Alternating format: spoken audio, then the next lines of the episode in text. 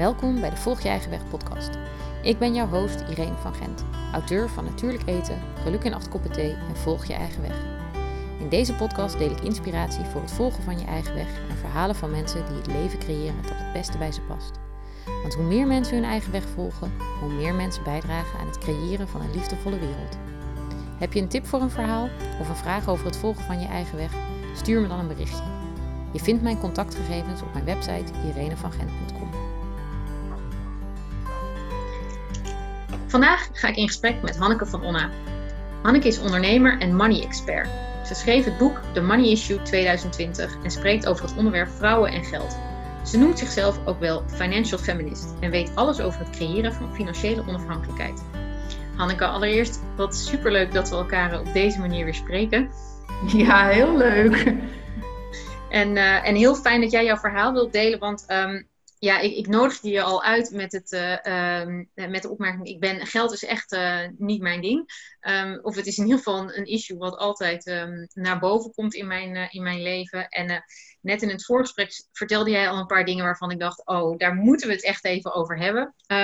hebben het, je, je vertelde iets over financiële onafhankelijkheid. Dat dat vertelde ik net in de introductie. Ja. En ik ben wel benieuwd hoe je, jouw reis uh, naar financiële onafhankelijkheid er, eruit zag. Dus ja. ik noem dat een beetje jouw eigen weg. Hoe zag jouw, jouw uh, weg eruit?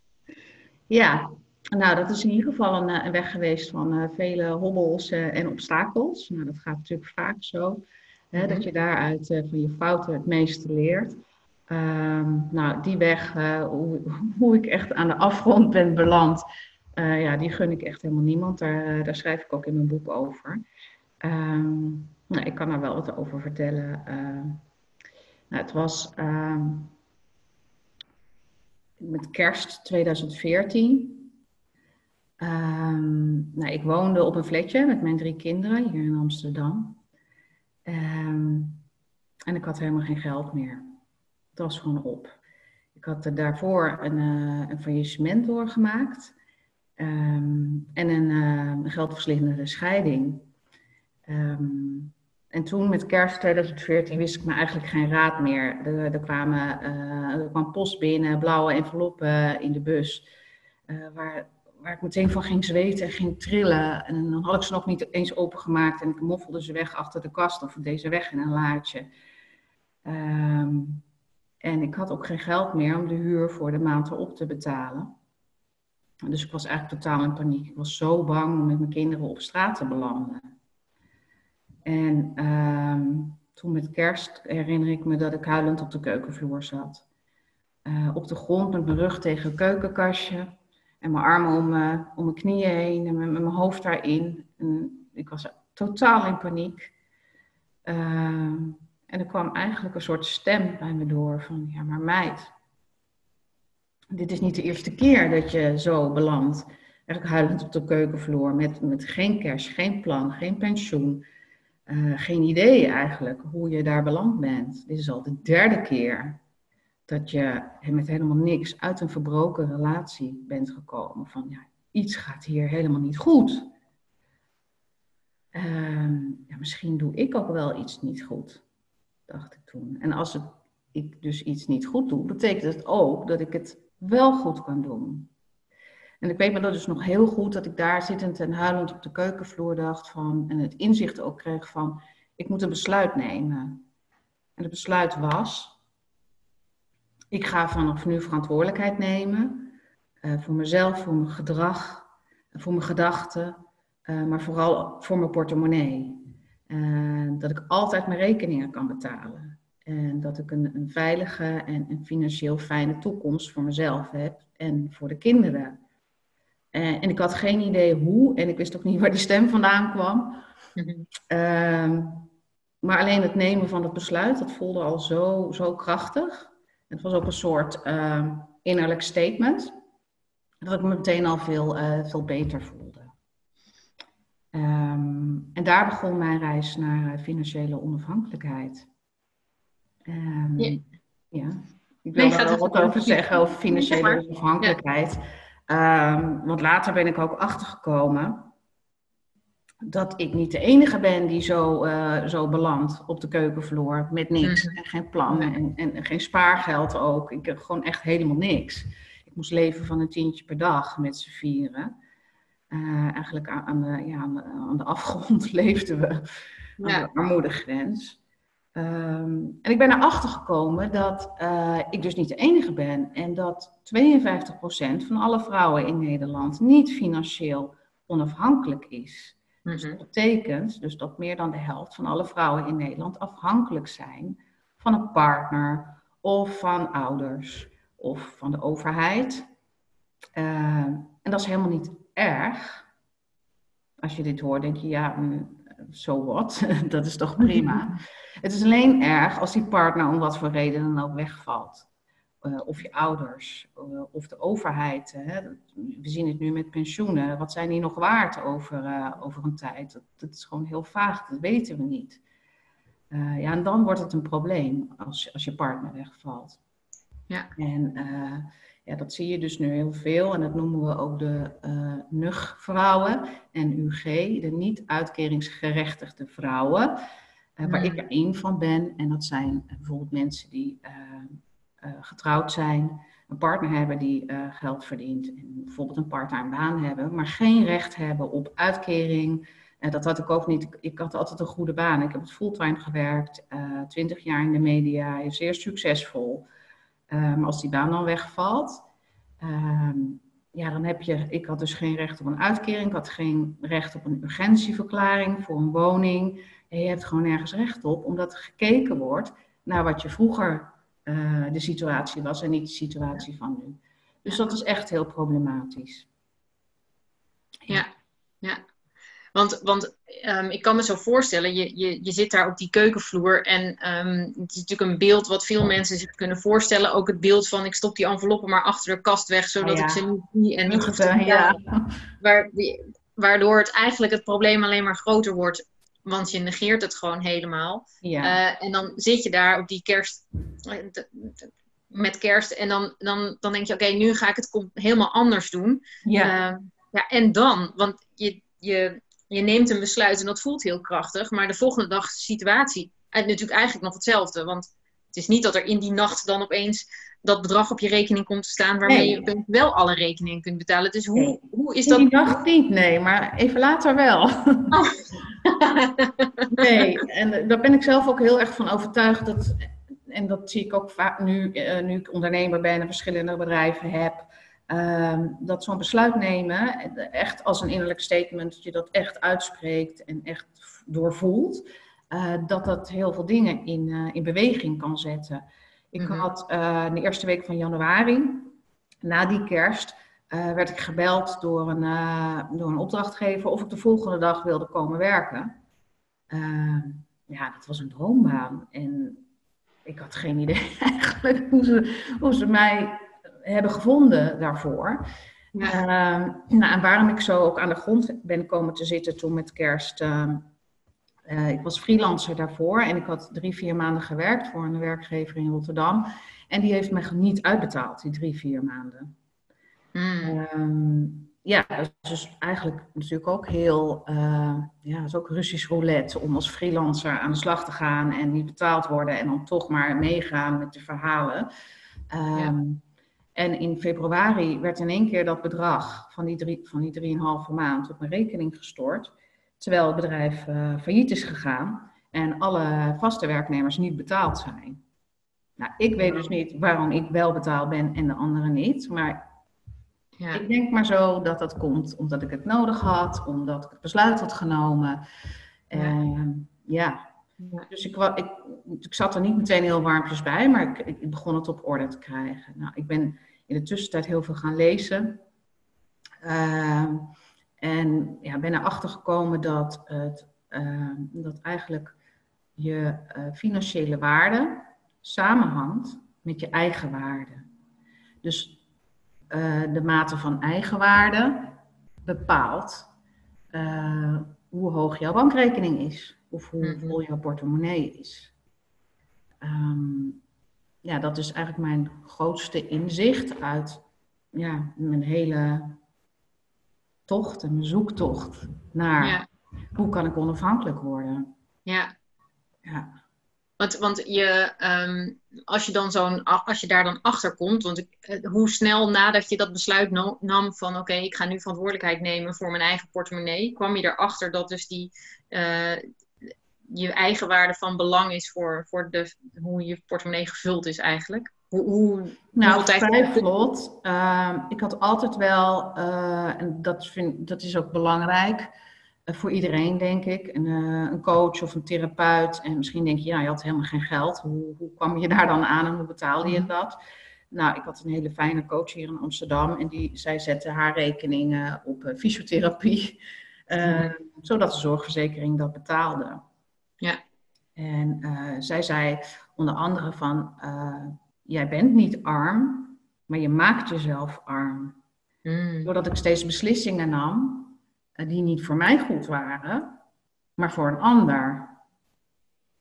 Mijn, ik had gewoon een heel, heel laag zelfbeeld en weinig eigenwaarde. En ik zei ook altijd, nou geld uh, vind ik helemaal niet belangrijk. Dus ik gaf het nog liever weg aan een ander dan, dan te besteden aan iets duurzaams voor mezelf.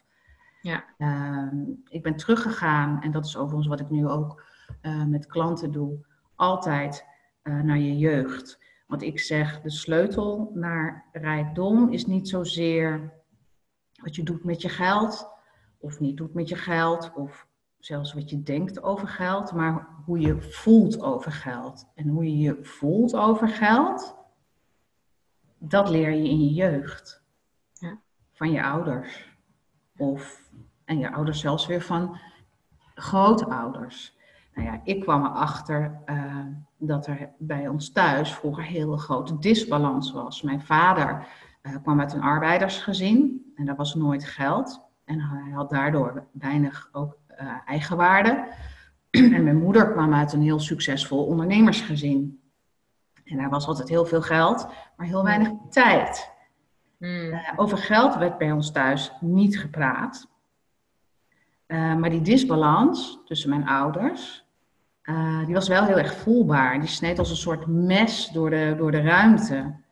En ik leerde dus als kind al heel jong, ja, over geld wordt niet gepraat. Maar ik voelde wel van, ja, dat is iets heel raars, dat geld. Ja. Mijn, mijn, de vader van mijn moeder overleed en toen kwam een grote erfenis, een heel groot huis aangeschaft. Um, maar we leefden heel Spartaans eigenlijk. Binnen, het was heel erg voor de buitenkant. Nou, ik leerde van, oké, de buitenkant is belangrijk en presteren is belangrijk. En als je geld wil verdienen, moet je daar heel hard voor werken. En dat merk ik ook dat heel veel mensen en ook ondernemers uh, dat echt leven. Dus ze denken het, ze voelen het, maar ook leven. Ik moet heel hard werken voor mijn geld. Want dan ben je succesvol. Dat is wat ik heel erg heb meegekregen van huis uit. Ja. Nou, dat bleek een hele uh, valse overtuiging. Want die ook, hè, vanuit je familiegeschiedenis ontwikkel je dus overtuigingen. Bijvoorbeeld, uh, nou ja, uh, steeds gezegd, wij zijn arm. Of als je tegen je kinderen steeds zegt van, ja, maar wij kunnen dat helemaal niet betalen. En vervolgens staat er wel een nieuwe auto voor de deur de volgende dag. Ja, dan zijn dat heel tegenstrijdige berichten. En dan gaan kinderen ook denken, ja, wij kunnen dat allemaal niet betalen, wij zijn arm. Ik ben voor een dubbeltje geboren, dan word ik nooit een kwartje. Uh, en ja, dat soort overtuigingen gaan in je systeem zitten. En die ga je leven. In dit leven. En uh, die uiten zich in uh, patronen in dit leven. En dat zijn vaak destructieve financiële geldgewoonten. Ik zeg altijd maar gekke geldgewoonten. Ja, ja, en wat ik interessant vind, hè, want je, je eerst zei je van nou, die, die, die eigenwaarde is van heel erg van belang van hoe je uh, met geld omgaat. Um, daarna zeg je van nou, het heeft ook te maken met je jeugd. Uh, heeft dan dat wat je in je jeugd te horen krijgt, is dat dan van invloed op je eigenwaarde ook? Want ook, eigenlijk ja. gaat dat dat heeft een beetje met elkaar. Uh, ja, want wat ik. ik zit nu natuurlijk heel erg op het financiële stuk. Maar feitelijk uh, zou je dit hetzelfde kunnen zeggen over relaties. Of mm -hmm. over jouw verhouding met werk. Weet je, als je. Ik hoorde bijvoorbeeld vroeger. Mijn ouders vonden mij een lastig kind, omdat ik heel veel vragen stelde. Uh, en mijn moeder zei altijd: Nou, jij vindt nooit een, jij vindt nooit een man. Ja, waarom ze het zijn, weet ik ook Dank man. Ja. Ja, maar je gelooft dat gewoon als kind. Ja. En dan ben ik behoorlijk gaan leven, ja. ja. Je bent ze wel tegengekomen, de mannen. Ja, mannen zijn er genoeg. Dat... nee, maar ja, het is nog steeds eh, lastig om, een, eh, om ook een duurzame verbinding eh, op te bouwen. Omdat die, ja, ik, eh, ja, vanuit mijn jeugd, wat ik lastig vind, ja, is toch ook ja, zijn eigenwaarde, afwijzing, voel me snel afgewezen. Voel me, en dat, ik denk dat heel veel vrouwen zich eh, hè, dat can relate, ik kom even niet op mijn woorden. Ja. Ehm, ja, dat je zegt, ik ben niet goed genoeg. Ehm, en dan ga je je eigen waarde ophangen aan een ander. En dat is wat ik altijd heb gedaan. En daarbij kwamen mijn financiën. Die hing ik, ik gaf die regie over, eh, over mijn geld. Het liefst, die was ik liever kwijt dan rijk. Ja. En ik ging zeggen, ik ben gewoon heel slecht in geld. Nou blijkt dat ik dat helemaal niet ben, want ik heb er nu mijn werk van gemaakt. Ja, ja. Uh, maar dat zijn dingen, het zijn verhaaltjes in je, in je hoofd die je jezelf vertelt. Ja. En dat heeft te maken met eigenwaarde. Ja. Met opstaan voor jezelf. Weet waar je vandaan komt. Wie je bent. Wat je waard bent. Welke waarde je kan creëren. Ja, en heb jij dat, dat, dat stuk voor jezelf um, onderzocht met, met die coach? Of heb je een bepaalde niks gedaan? Um, met veel gelezen door, door te schrijven ook heel veel. Dat, ik vind schrijven zelf een heel mooi ja, therapeutisch proces. Mm -hmm. Um, ja, vaak is het uh, pijnlijk wat je tegenkomt. Uh, maar ik ben het gewoon aangegaan, echt. Gaan onderzoeken, eerst, eerst in die familiegeschiedenis van hé, hey, wat zijn die patronen uh, die tussen mijn ouders speelden. En, en ook nog verder weg wat, wat hun ouders hebben meegebracht. Zij zijn beide geboren, geboren in de oorlog, dus het is ook niet heel onlogisch. Uh, is ook iets wat je veel terugziet bij mensen die uh, oorlog hebben meegemaakt. Dat het gewoon heel tight is. En mijn ouders waren heel tight. Ze hadden wel geld, maar ze gaven het niet uit. Um, ja, en ik heb daardoor echt ja, een soort schizofrene relatie met geld opgebouwd. Want ik kon geld verdienen als water, maar kon het ook net zo goed uitgeven. Ja. Als water. Ja. Echt een gat in mijn hand. Ja, en waar, want waar, en waar ging dat dan naartoe, dat geld? Maakte niet uit? Oh, nou ja, ik zeg ook, ja, ik voelde me waardeloos. Dus het ging naar waardeloze spullen, naar waardeloze mensen, naar waardeloze situaties. In ieder geval, er zat geen, geen enkele vorm van duurzaamheid in. Mm -hmm. Weet je, dan zag ik, uh, iemand had uh, fantastische hockeyschoenen, moest ik die ook, terwijl ik helemaal niet hockeyde of zo. Oh, ging dat zo ver?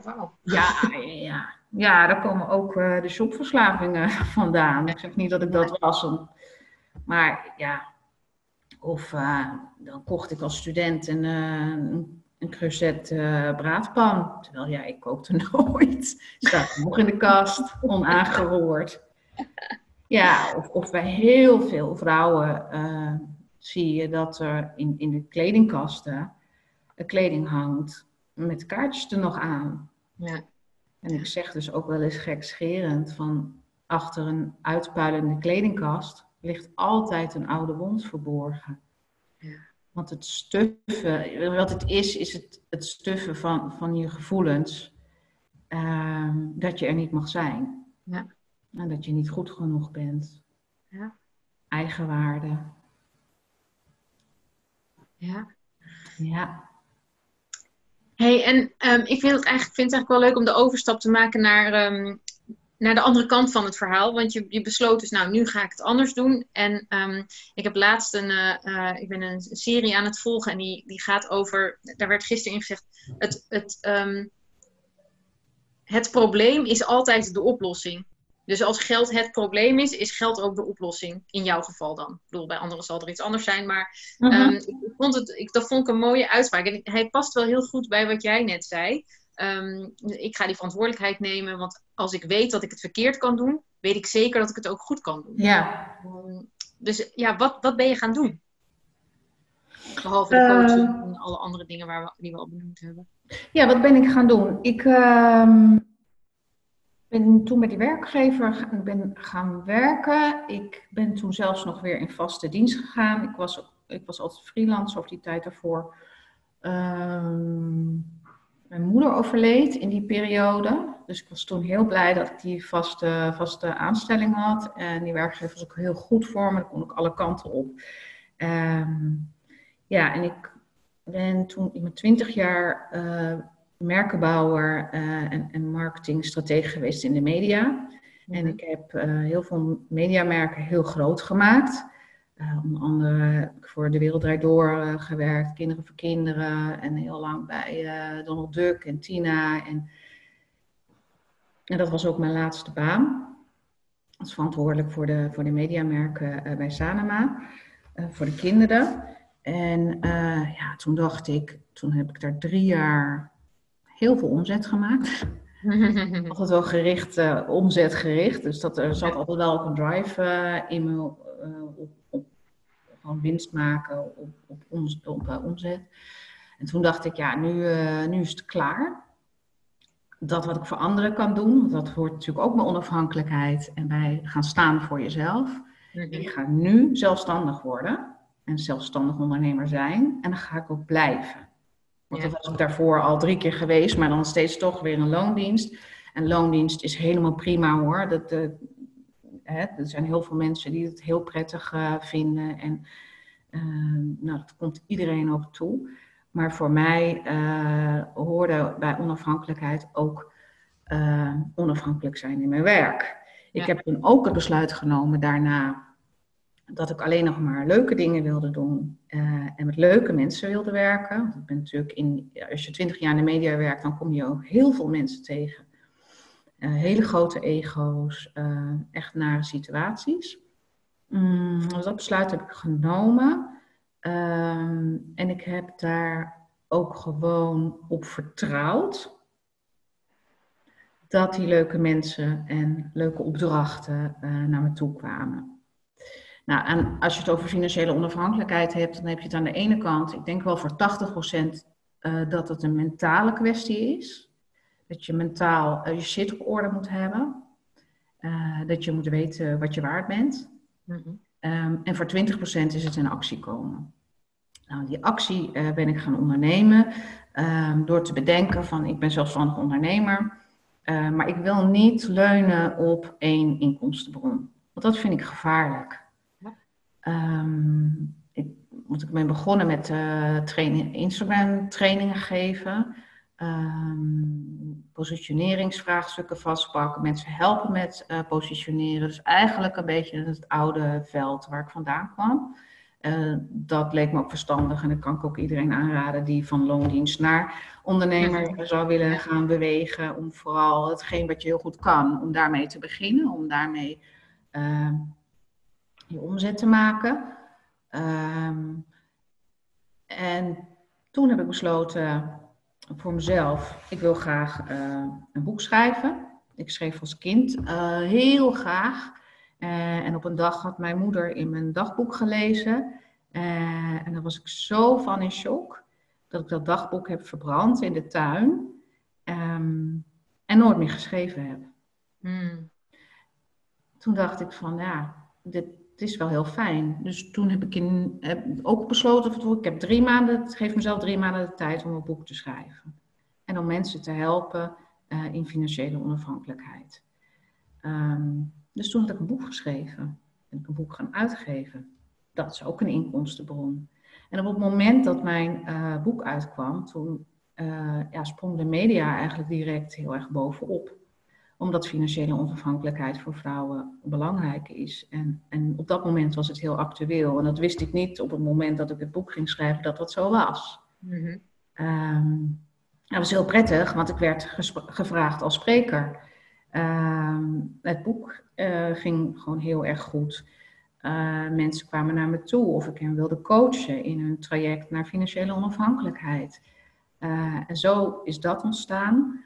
Mm, dat is in 2018 geweest. In 2019, dus afgelopen jaar, heb ik bedacht van... hé, hey, ik wil mezelf gaan onderwijzen en uh, ik wil graag leren beleggen.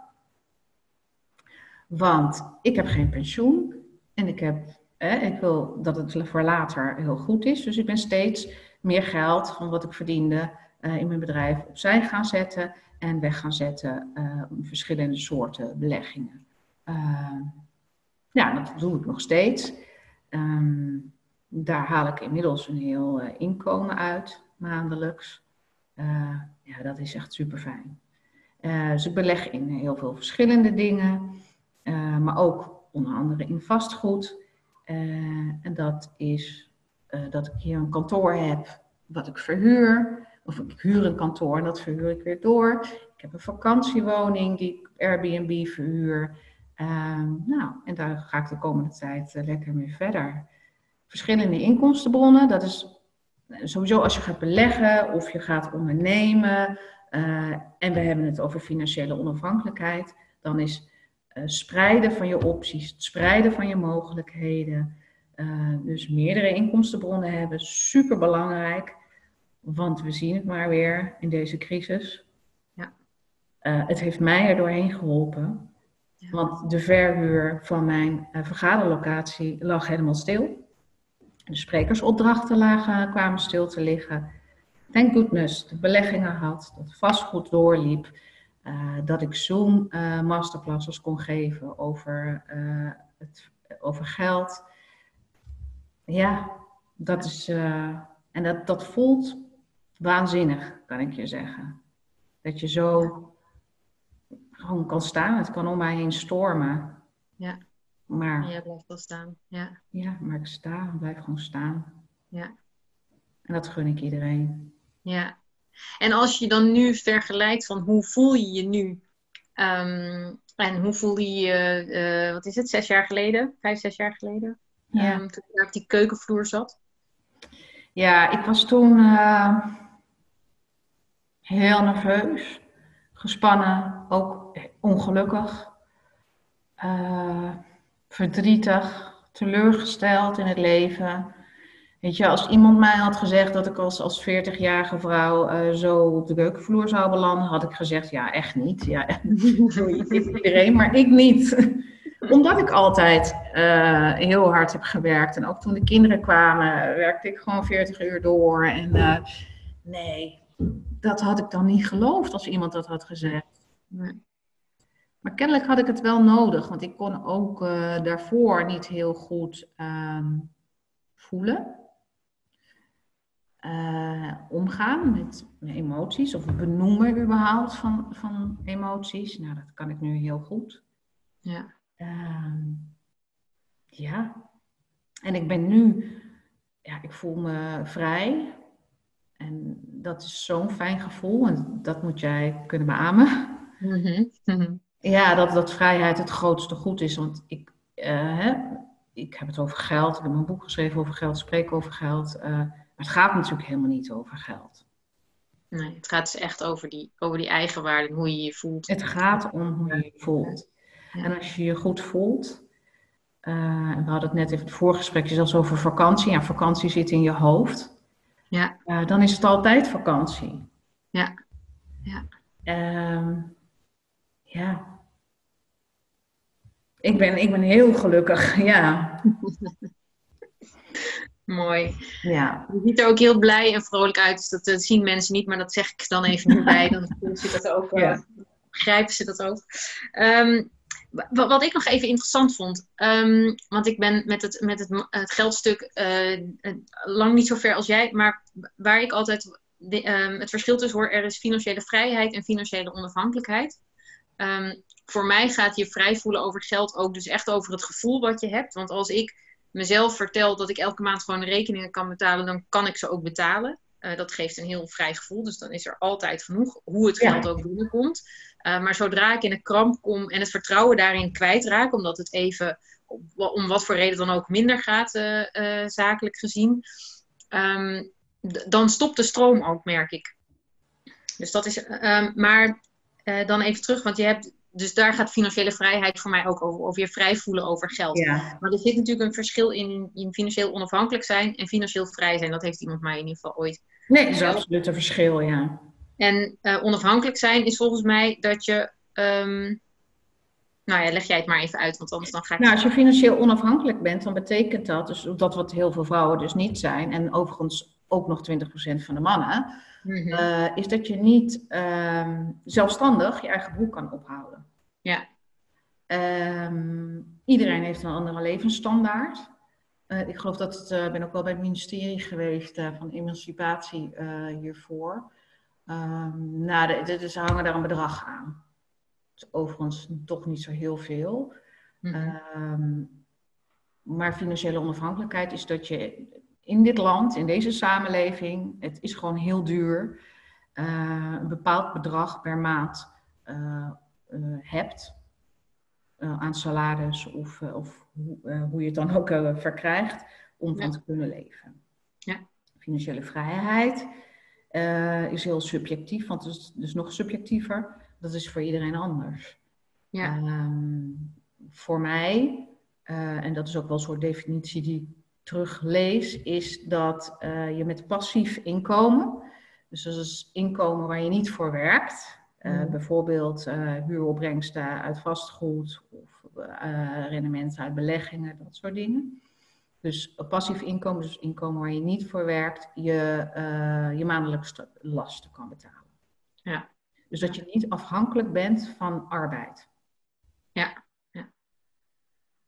En dat passief inkomen is ook altijd zo'n interessante, uh, want soms moet je heel hard werken om dat passief inkomen uiteindelijk te creëren. Of heel hard werken. Je moet dit passief inkomen. Dat is de bedoeling uh, overigens. Nee. nee. nee, als het eenmaal zover is, niet. Maar nee.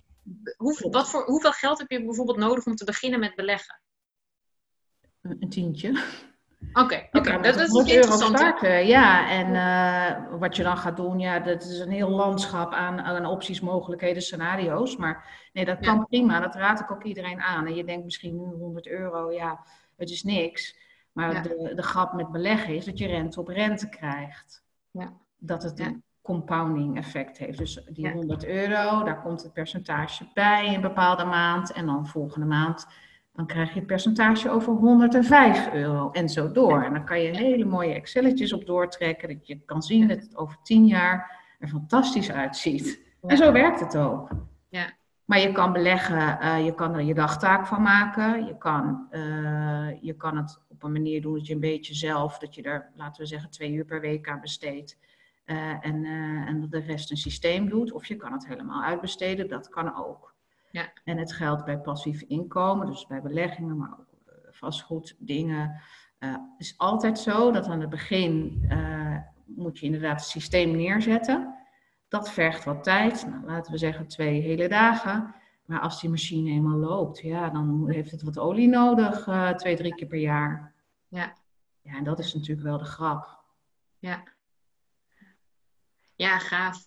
Um, ja. Je hebt mij weer enorm geïnspireerd uh, op, het, op dit onderwerp. Um, want ik duw het ook altijd een beetje weg. en ja, dat, dat... met geld dus ook, ook doelstellingen maken, heel belangrijk. Ja. Waar, waar sta ik nu?